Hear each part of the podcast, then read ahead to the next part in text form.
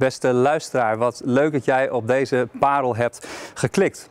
Hey, vandaag wil ik zo in de aanloop naar Pasen met jullie stilstaan bij het eeuwigdurend koningschap van Jezus. En als we kijken in Lucas 1, dan zien wij daar de engel Gabriel die neergedaald is en daar in de woning staat en tegen Maria zegt het volgende over Jezus. En dat staat in Lucas 1, vers 32. Daar zegt Gabriel: Hij zal groot zijn en de zoon van de Allerhoogste genoemd worden. En God, de Heere, zal hem de troon van zijn vader David geven. Zijn vader David was toch Jozef? Komen we straks op terug. Hij zal over het huis van Jacob koning zijn tot in eeuwigheid. En aan zijn koninkrijk zal geen einde komen. De Joden in die tijd die de Messias verwachten, die keken uit naar een koning die een aards koninkrijk tot stand zou brengen en zou regeren over deze wereld. En het verlangen van de Israëlieten was dat er een koning, een heerser zou komen om het volk te redden van de onderdrukkers. En dat er vrede zou komen.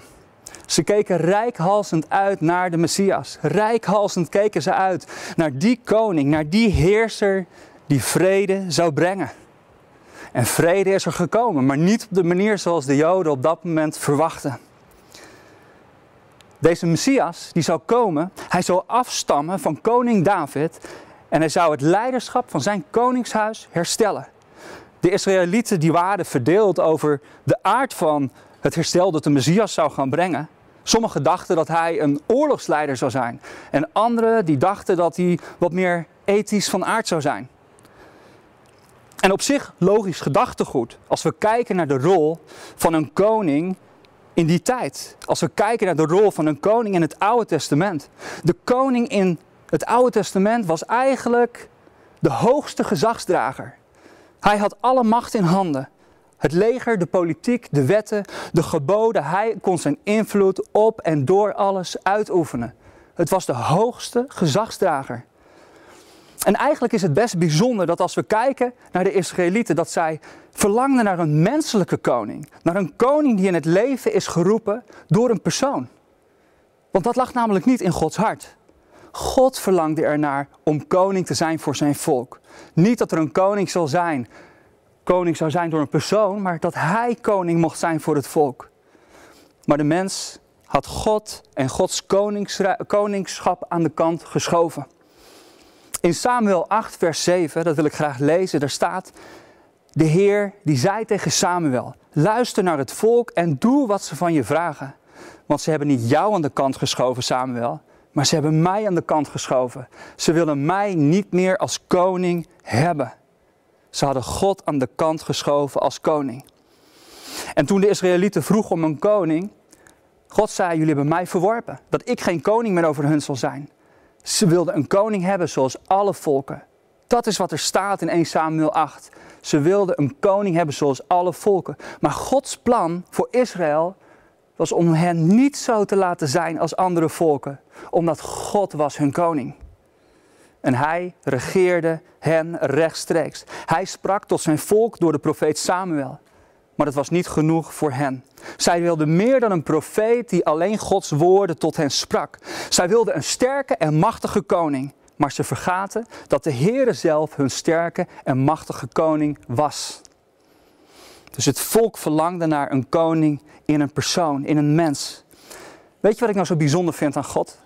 Dat God, het is altijd Gods hart dat het goed gaat met zijn volk. Het is altijd Gods hart dat het goed gaat met jou en met mij. En daarom verleende God ook zijn zegen aan de koningen die dicht bij hem bleven. De koningen die uh, in de geboden wandelden, die hem zochten. Het bracht vrede en het bracht voorspoed. En weet je, het was mooi als er een koning was die dicht met God leefde, maar uiteindelijk kon het ultieme koningschap niet door een aardse koning worden uitgevoerd. Het was altijd Gods plan geweest dat Hij onze koning zou zijn. Dat wij deel zouden zijn van Zijn koninkrijk. Hij wist dat dit het beste voor ons zou zijn. En weet je, het koningschap van mensen is eindig, maar het koningschap van Jezus is eeuwig. Dit zei de engel Gabriel tegen Maria voordat ze zwanger werd van, van Jezus. Maar ook de profeet Nathan, zo'n duizend jaar voordat Jezus werd geboren, sprak dit al uit. Die sprak tot David dat er een eeuwigdurend koningschap zou gaan zijn.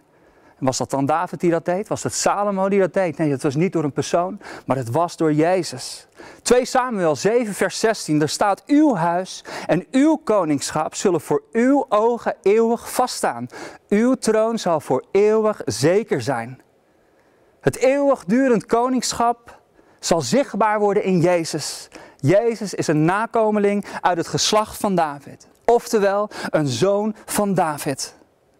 Maar wat houdt het koningschap van Jezus dan in? Houdt het in dat hij hier al is als politicus of als koning regeert over de aarde? Nee, nog niet. Dat gaat komen. Maar op dit moment is dat er nog niet. Het koninkrijk waarover gesproken wordt, het koninkrijk wat Jezus verkondigde en wat baan brak met kracht toen hij op aarde kwam, dat staat in Romeinen 14. Daar staat namelijk, want het koninkrijk van God bestaat niet uit eten en drinken, niet uit aardse zaken, maar het koninkrijk van God, het koninkrijk van de hemel, bestaat uit gerechtigheid, vrede en blijdschap in de Heilige Geest. Dus gerechtigheid, vrede, blijdschap in de Heilige Geest. In Matthäus kunnen we ook lezen dat beërf het koninkrijk dat voor u bestemd is vanaf de grondlegging van de wereld. Dus die gerechtigheid, die blijdschap en die vrede, dat koninkrijk, dat is er al. Dat is er al klaar, dat is al klaargelegd, al vanaf het begin van de wereld voor jou. Daar mogen wij in bewegen en mogen we in wandelen. En weet je, ooit zal Jezus neerdalen op de olijfberg in Israël. En die zal splijten. En dan zal Jezus als koning regeren over deze wereld. Dat is wat Jezus zal gaan doen. Jezus is 2000 jaar geleden gekomen voor ons als redder. Hij is gekomen als redder. En de Bijbel zegt dat een ieder die met zijn hart gelooft en met zijn mond beleidt dat hij Heer is, die zal behouden worden, die zal gered worden. Dat is wat Jezus wil doen. Maar weet je, dat koninkrijk waar Jezus over spreekt, dat koninkrijk van de hemel, dat is niet alleen opdat wij gered worden, maar dat koninkrijk. Het is belangrijk dat wij Jezus als koning gaan accepteren. Dat we Jezus als koning gaan zien en gaan toelaten in ons leven. Jezus is niet gekomen alleen om te redden, maar hij is gekomen om het koninkrijk van de hemel te brengen. Hij is de koning van dat koninkrijk. Een eeuwigdurend koninkrijk. En ik moest er afgelopen week even over nadenken dat ik dacht van ja, weet je, Jezus is onze redder en onze verlosser en zijn liederen waarbij we dat zingen. En ik geloof dat het zo is. Als wij beleiden met onze mond en geloven met ons hart, dan zijn wij gered.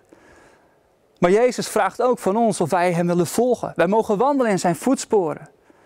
Het is Zijn verlangen dat Hij koning is voor jou en voor mij. Zijn wij gered? Hebben we Hem geaccepteerd en ontvangen als redder en verlosser? Maar hebben wij Hem ook geaccepteerd als koning in en over ons leven? God wil graag koning zijn over jouw leven. Hij weet wat het beste voor jou is. Hij wil je beschermen, je zegenen, vullen met Zijn liefde. En er is niets beter dan dat dat Hij koning is over jouw leven. Maar belangrijk is dat wij wel toestaan om Hem koning te laten zijn over ons leven. Misschien een vraag die ik vandaag, vandaag aan je mag stellen. Wat zijn de gebieden in je leven waar God nog geen koning is? Wat zijn de gebieden? Misschien het gebied van relaties, het gebied van financiën. Misschien is er wel pijn en verdriet in je leven of is er boosheid wat je niet los kan laten. Ik geloof dat ik vandaag tegen je mag zeggen dat je het aan God mag geven. Dat je het aan Jezus mag geven. Hij wil koning zijn. En dat betekent ook dat wij dingen zelf niet vast hoeven en moeten houden. Dat wij niet zelf koning zijn over bepaalde gebieden in ons leven, maar dat we Jezus toestaan om daar koning te zijn. Geef deze gebieden aan Hem. Simpelweg door te zeggen, Heer, ik geef u mijn pijn. Heer, ik geef u mijn financiën. Heer, ik geef u mijn relatie. Ik geef het uit handen en ik zeg, Heer, Wees koning over mijn leven. Ik breng het onder uw heerschappij. Jezus wil niet alleen jouw redder zijn, maar ook jouw koning. Amen.